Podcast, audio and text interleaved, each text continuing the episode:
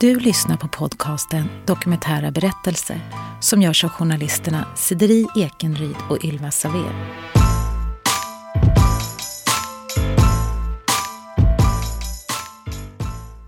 Det var ju några gånger när man hade spelat bort allt man liksom, all ekonomi då. Och klockan var 80, liksom en halvtimme hade gått på den 25 liksom. Och jag hade inte betalat några räkningar, ingenting.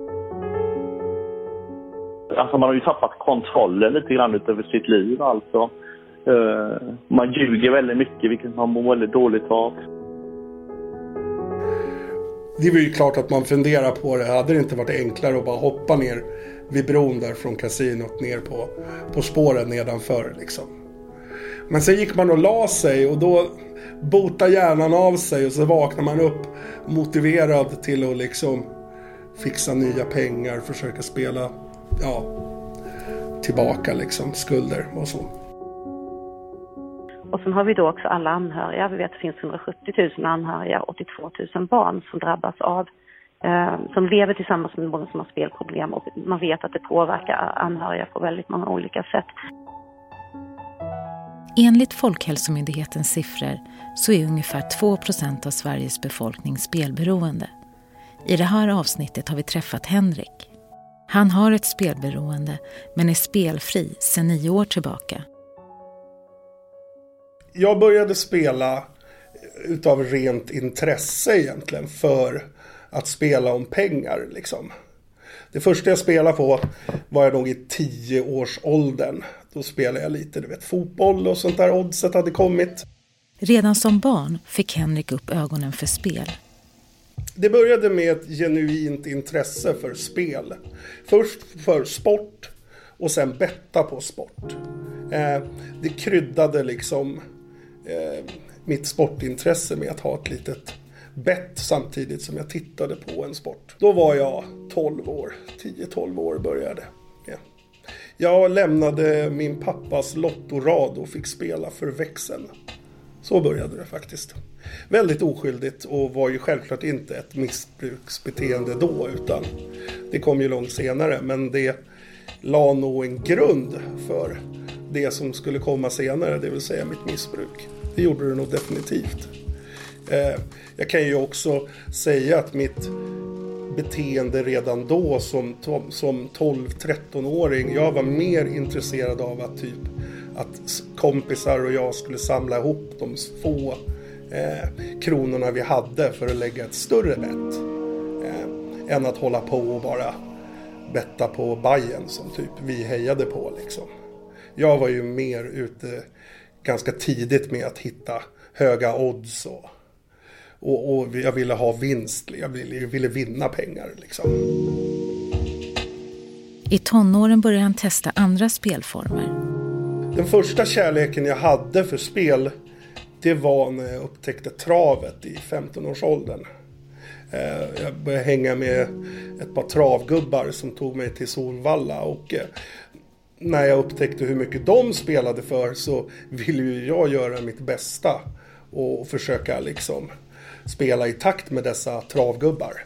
Vilket självklart inte gick på min begränsade ekonomi som 15-åring. Eh, men det var väl då första gången jag spelade bort liksom de få pengarna jag hade. Eh, så redan där fanns ju liksom ett ganska tydligt riskspelande. Att man var en, en, en, kanske inte spelberoende men definitivt villig att ta risker. Det som till slut får Henrik att fastna i ett spelmissbruk är när han upptäcker poker på nätet.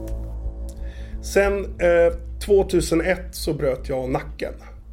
Eh, och satt i haloväst hemma under ett, fyra månader. Och hade inte så mycket att göra. Jag hade fått internet för första gången. Och det var då jag upptäckte nätpokern. Och då kom ju från, från början så var det ju inte liksom ett, ett spelmissbruk men eh, ett genuint intresse för pokern som tävlingsmoment utvecklades. Från början var det ett väldigt roligt och också ganska lönsamt extra knäck liksom. Och vi spelade jättemycket poker eh, hemma hos bekanta. Vi skapade, kan man väl säga egentligen, en, en pokerförening. Där vi träffades och spelade poker. Först en gång i veckan, sen blev det två gånger i veckan, sen blev det tre gånger i veckan och sen blev det fyra gånger i veckan. Och sen var nätverket så pass stort så att egentligen kunde man spela poker alla dagar i veckan. Eh, liksom det fanns alltid någon som anordnade ett spel någonstans. Man brukar klassificera dem i eh, gröna, gula och röda spel. I det här avsnittet har vi även Henrik Armus, tidigare ordförande för Spelberoendes riksförbund. Och eh, då är det ju framförallt de röda spelen, alltså insats till resultat som räknas. Och i dagsläget kan man väl säga att, att de som då utvecklar ett spelmissbruk eller spelberoende, det är nätkasino framförallt idag. Men även i den kategorin röda spel ingår ju även livebetting och eh, vad heter det, eh, poker. Eh, i, de, I den kategorin alltså. Nu har väl eh, pokerboomen har väl avtagit en del så vi har väl inte lika många längre som kommer till oss som har problem med eh, med poker. Men eh, det finns ju fortfarande kvar givetvis. Och sen har du då livebetting eller sportspel då, som finns där. Och sen har du då eh, nätkasino som sagt var. Sen är det ju inte så att de andra, alltså trav eh, som jag själv blir beroende av, finns ju fortfarande kvar hela tiden. Och det kanske, när det gäller de här gula spelen eh, där det kanske inte är eh, det som direkt orsakar problemet, men de lägger ju grunden för ett, ett, ett spelberoende. Så att de är inte oskyldiga heller det blev ju min eh, stora, liksom, ska man väl säga, första kärlek inom pokern, att spela live. Jag tyckte alltid det varit roligt med den sociala biten också. Liksom. Eh, och dels var, ju, eh, var det ju en hel del liksom, kompisar som spelade också, så vi hittade det här samtidigt kan man säga. Liksom. Eh, alla blev ju inte spelmissbrukare, utan det var ju jag en av de få som det gick dåligt för. Liksom jag bodde i Norrtälje när detta hände i en liten etta. Eh, och eh, jag åkte till jobbet och hade ett jobb på dagarna och sen när jag slutade så åkte jag och spelade poker hemma hos någon kompis. Och spelade, ja, och sen Sen började dagen efter med samma rutiner när man ringde runt och kollade eller folk kanske ringde till mig och frågade, ja men blir det någon poker ikväll, ska vi lira? Ja. Och så styrde man upp det. Så det var ju liksom jobb och sen, och sen poker. Fram till småtimmarna på kvällen liksom. Fick man ju åka hem och sova. Poker blev ju bara, det kunde ha varit Fia med knuff om det hade funnits tillräckligt många i Sverige som spelar Fia med knuff om pengar. Vi har ju provat allt möjligt och spelat allt möjligt bara för skojs skull, för pengar. Liksom. Eh, det går att spela det mesta för pengar. Men det jag charmades av ju var ju det här att det, att det gick att vinna enormt stora pengar och det fanns liksom ett världsmästerskap i poker och det kablades ut på TV och vi tankade ner det här och tittar på och man blev ju liksom född. Och pokerboomen drog igång 03 tror jag det var, jo, när en kille som heter Moneymaker går och vinner VSOP Main Event liksom. Eh, och som är vilken jäkla kleti och pleti som helst. Satte ju i huvudet på alla som tittar på det pokerprogrammet eller den turneringen att ja men kan han vinna då kan ju vem som helst vinna. Så det var ju då pokerboomen drog igång på allvar och alla skulle spela poker och då gjorde ju vi det också. Liksom. Men sen var det ju efter några år utav det här, man ska kalla hemmaspelandet, att spela hemma hos kompisar, så var det ju andra pokerkompisar som hade börjat åka in till Casino Cosmopol i Stockholm här och eh, jag hade varit lite emot det för jag gillar det här med att arrangera poker och men samtidigt så hade jag förlorat lite intresset på att spela. Jag tyckte hemmaspelen som vi spelade var lite för oseriösa. Jag tyckte det var lite för lite pengar ibland. Jag tyckte de som var där var för oseriösa. Så att jag, jag åkte med in till Casino Cosmopol med en polare och eh, när jag kom in där så var det ju kört. Jag visste ju liksom att oj, här kommer jag spendera mycket tid och så blev det. Jag, jag spelade all min fria tid så länge jag hade pengar på Casino Cosmopol eller på svartklubbarna här runt om i Stockholm. Och hur fick du pengar till spelande? Nej, men jag har alltid jobbat. Jag har alltid jobbat och, och, och skött mig så. Så jag har haft ett arbete, jag har haft en inkomst. Och, och en, en, ett missförstånd som, som många som inte spelar har, det är ju att, att vi spelmissbrukare bara förlorar. Men så är det ju inte. Utan tyvärr så vinner vi också pengar. Och tillräckligt mycket för att vi alltid ska minnas hur det känns och vilka kickar det ger. Så det är ju dem man hela tiden försöker kopiera. Eller liksom, det är ju det man är ute efter, att känna den där, det där ruset igen som man får när man vinner pengar. Eh, Vad gjorde du när du vann pengar? Innan jag blev så pass beroende så att det enda jag kunde tänka på var att vinna ännu mer pengar eller vinna tillbaka skulder. Så kunde jag ju unna mig någonting någon gång ibland. Liksom en jacka eller ett par skor eller en god middag eller festa med kompisar och man kunde bjuda lite och vara sådär lite eh, rock'n'roll-liv liksom. Men eh, det var ju en snabb period som snabbt eh, övergick i någon form av jakt på att spela tillbaka förlorade pengar. Situationen börjar bli allt mer ohållbar då Hanna spelar bort hela sin lön och börjar ta sms-lån för att kunna finansiera sitt spelande. Jag har alltid spelat över mina tillgångar. Det har jag alltid gjort. Frågan är, okej, okay, när, när började jag skita i att betala hyran? Ja, det gjorde jag väl någon gång 2010. Första gången liksom. Och det är ju väldigt så att när man spelar, man är ju liksom Kanske man har vunnit och så är man jättehög på det liksom. Och, och livet känns underbart. Men för mig var det ju mer bara om jag råkade vinna pengar så var det ju liksom eh, Det var jobbigt att vinna pengar. För då visste man liksom att karusellen skulle dra igång liksom att det var eh, Även om jag ville vinna pengar så var det en börda att ha pengar. För då det är ju, maskin, det är ju mat, ammunition liksom. Och då kommer det här då galenskapen fort, fortsätta.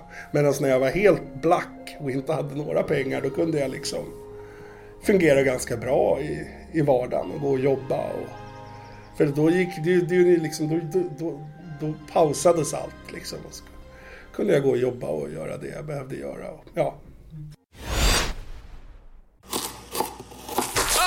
Dåliga vibrationer är att skära av sig tummen i köket. Ja! Bra vibrationer är att du har en tumme till och kan scrolla vidare. Alla abonnemang för 20 kronor i månaden i fyra månader. Vimla! Mobiloperatören med bra vibrationer.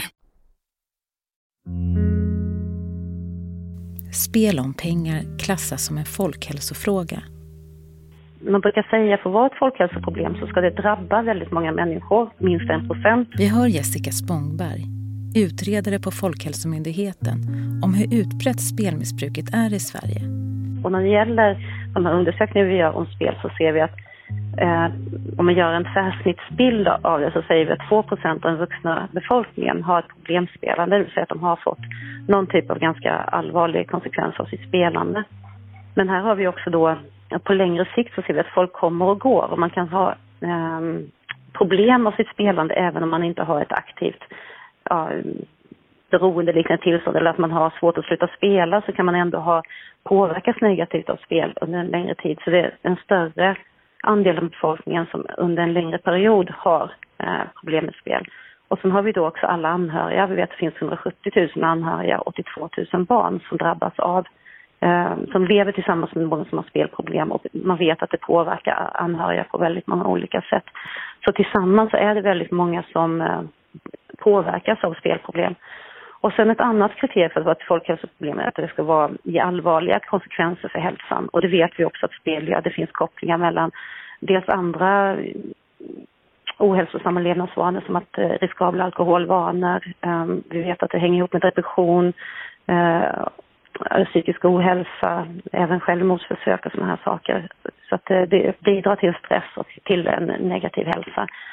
Och sen också en jätteviktig aspekt på ett folkhälsoproblem är att det skapar ojämlikhet eller bidrar till ojämlikhet. Och där ser vi också spel att det, dels är det eh, grupper som redan har det socialt svårt som eh, man kanske inte spelar mer än andra eh, totalt sett i gruppen, men man får man har en högre andel som har spelproblem och det kanske tar sig allvarliga uttryck. Vi vet också att tillgängligheten på spel ser olika ut beroende på socioekonomi. Man kan titta på spelmaskiner till exempel i, i stadsdelar där man kanske har en social problematik.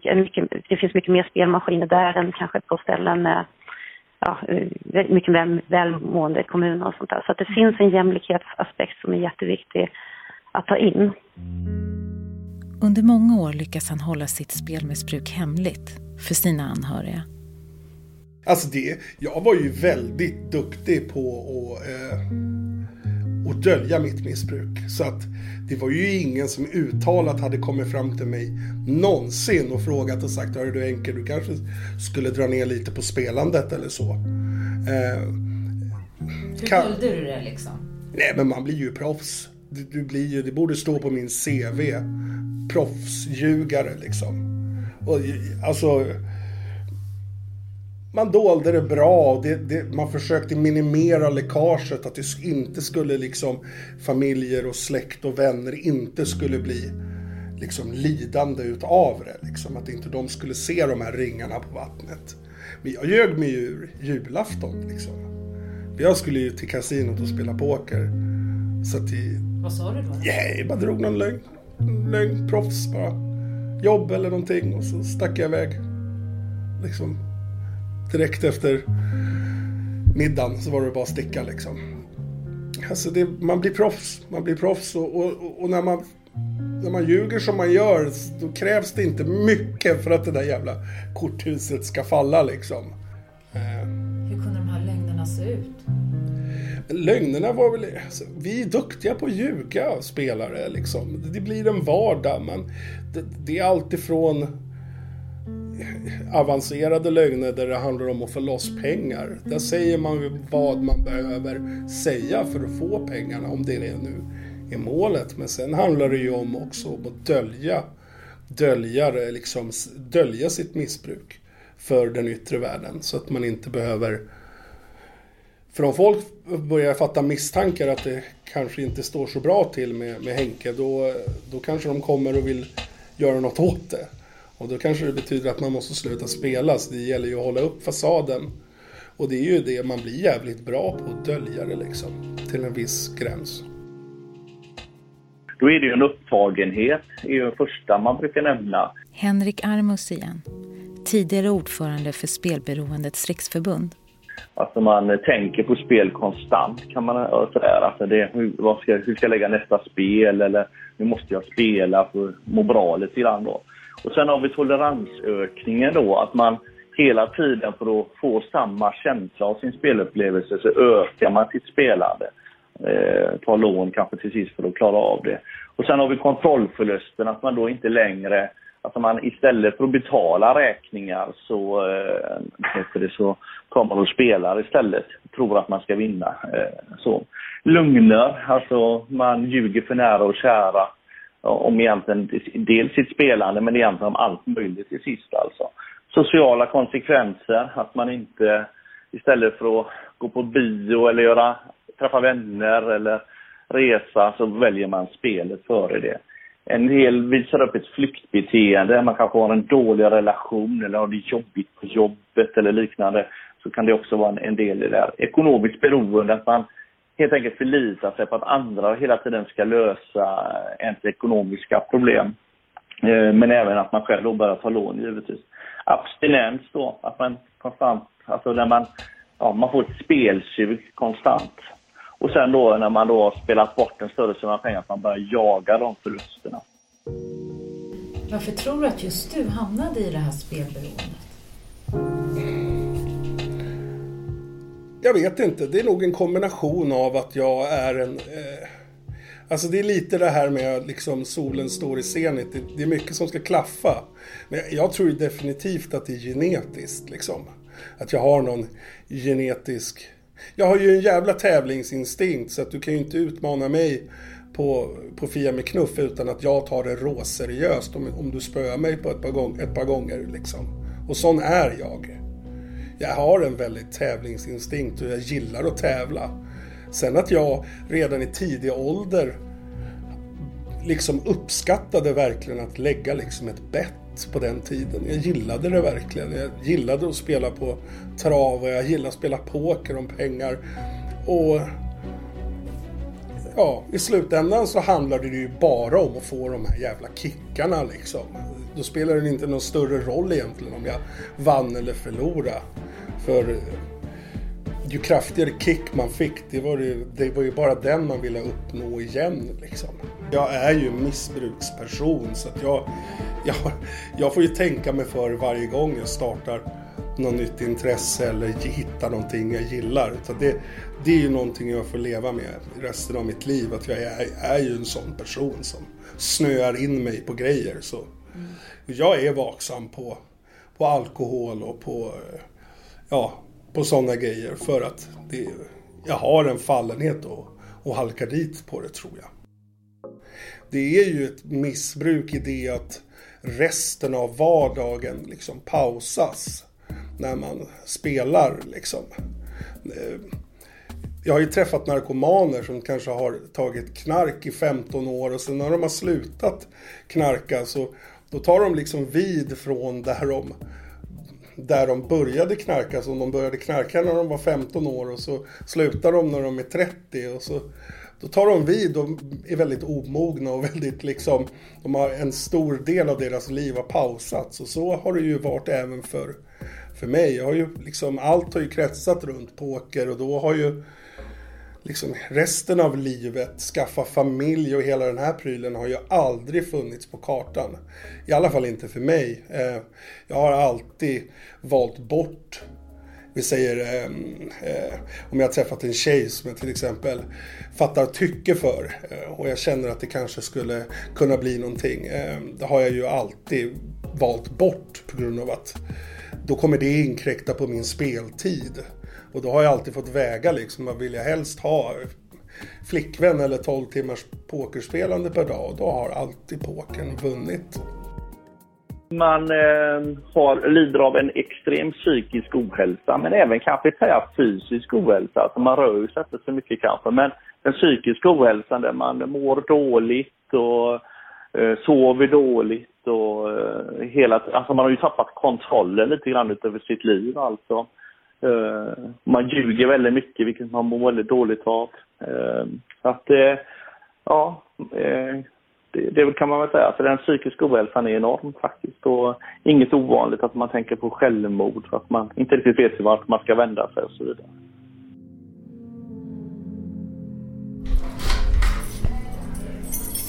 Ja, men nu ska vi till kontoret. Här, är, här sitter man på dagarna. Idag jobbar Henrik med att hjälpa andra spelmissbrukare på en förening för spelberoende i Stockholm. Det har nu gått nio år sedan han själv spelade senast. Sista gången jag spelade var 25 januari 2011. Och då stod jag på Casino Cosmopol och hämtade ut min lön. Ni vet, klockan gick från den 24 till den 25. Så stod och väntade på bankomaten att det skulle bli den 25. Och så plockade jag ut min lön och då träffade jag, jag kommer ihåg, jag träffade ett par gamla pokerkompisar, eller kompisar, och jag skämdes så in i helvete för detta. Och tänkte liksom, shit, hur fan ska det här gå med mitt liv? Jag visste ju att jag redan då var ute på djupt vatten, men det är väldigt svårt att för egen maskin sluta spela. Jag hade ju, kan jag ju erkänna nu, att jag hade ju aldrig slutat om inte någon hade liksom hjälpt mig med det på traven så att säga. Eller tvingat mig till det egentligen. Vem var det? Det var min mamma. Berätta. Eh, min kompis eh, David eh, han hade en viss insyn i mitt pokerspelande, eller i mitt spelande överhuvudtaget. Jag hade lånat lite pengar av honom och, jag var tillräckligt öppen med honom för att han skulle förstå att liksom okej, okay, nu, nu är det inte mycket som går rätt. Så han skvallrade till, eh, till min mamma. Eh, och eh, min mor eh, tog kontakt med det här stället med, med Kalle, vår kanslist som jobbade då. Eh, och, och, han tyckte väl att ja, men ni måste få in Henrik in till våra onsdagsmöten som ni är och hälsar på idag. och samma dag som, som hon hade ringt eh, hit och snackat med Kalle så eh, konfronterade de mig. De, min mamma och min pappa och typ ställde mig mot väggen och jag förstod att någon hade skvallrat för de visste lite för mycket. Som jag liksom inte hade berättat för dem och som de omöjligt kunnat veta. Så jag förstod att typ, fan det är nog Dana som, eller David som har eh, som har skvallrat till min mamma. Så jag, blev, jag tog ju chansen då. Det var ju oerhört lättnad att få lägga alla korten på bordet och få ta fram ICA-kassarna med kravbrev och liksom eh, jag kunde inte för egen maskin reda i detta. Det var för laddat. Jag var ju inte ens, eh, jag var ju inte ens hundraprocentigt säker på att jag ville sluta spela. Inte ens när jag blev ertappad så att säga, eller ställd mot väggen. Så jag... Eh, ja, och det ställdes lite krav på mig. Jag, jag, skulle, jag var ju nära på att bli vräkt och det, det var väl det mest akuta utav mina skulder som behövdes ta hand om. Och eh, min mamma gick ju med på att betala dessa hyror som jag låg efter med. Eh, och det fanns ett motkrav och det var att jag skulle börja gå här på föreningen. Så det var bara att åka in samma dag. Det blev en väldigt eh, hektisk eh, onsdag dag. Så eh, jag ramlade in här, jag tror det var, glömmer bort datumet, men jag tror det är den 9 februari då, 2011, det var en onsdag. Eh, som jag eh, kom in här första gången.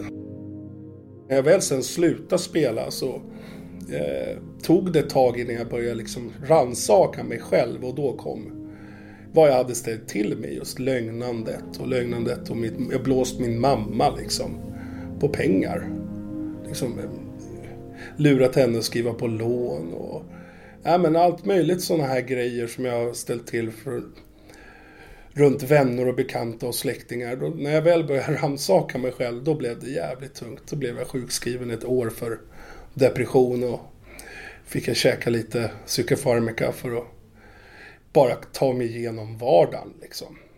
Finns det tillfällen i ditt liv idag som du så aktivt tänker så att det här måste jag undvika för att då kan jag ta ett återfall eller...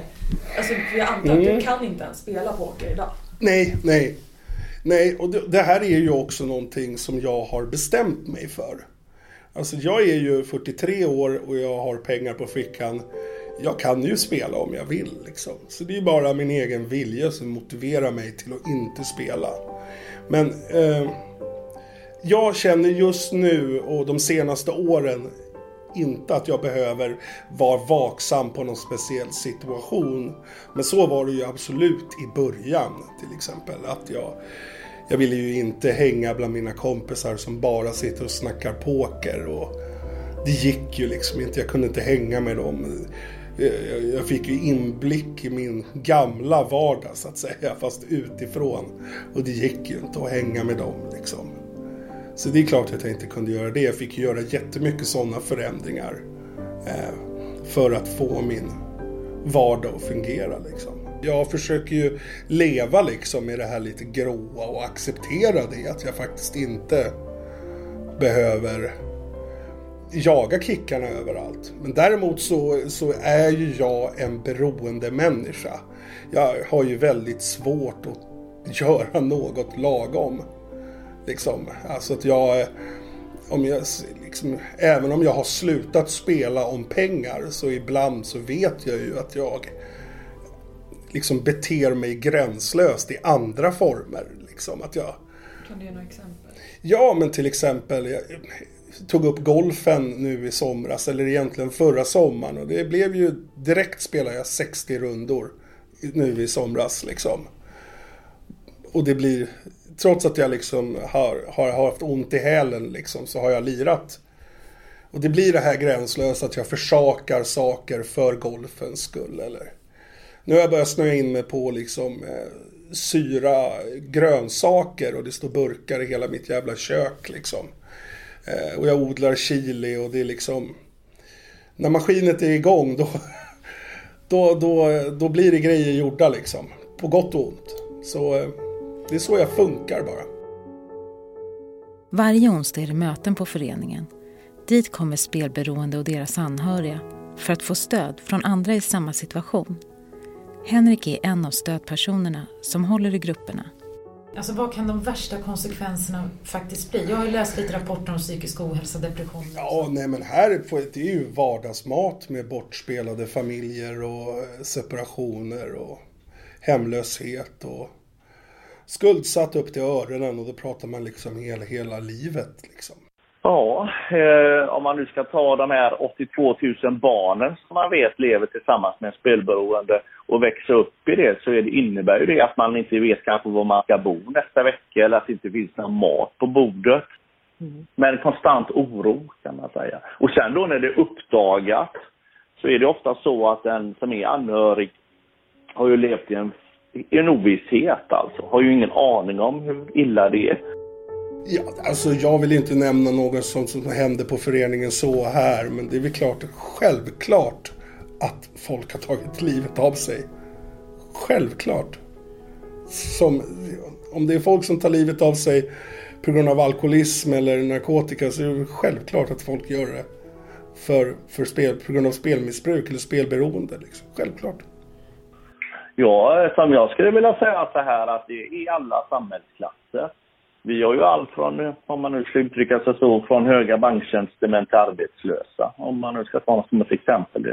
Men det finns i alla, alla kategorier. Det är inget man kan säga på förhand vem som blir spelberoende. Men det tror jag egentligen gäller alla beroenden. Så.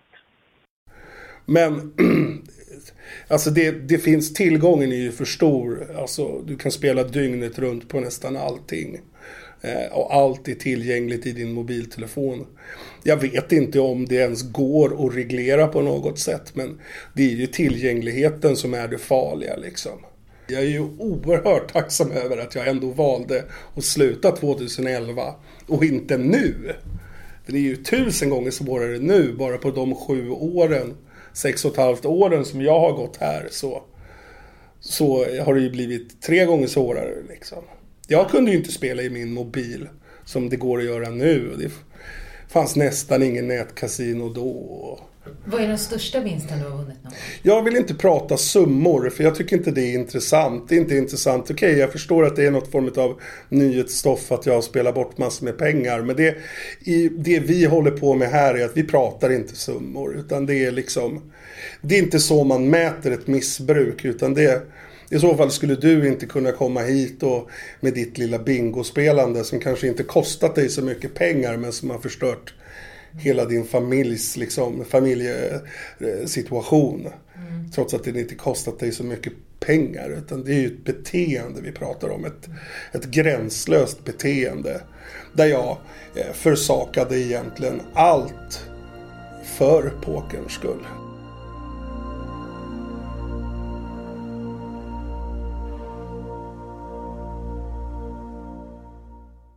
Du har precis lyssnat på avsnittet Speldjävulen och jag.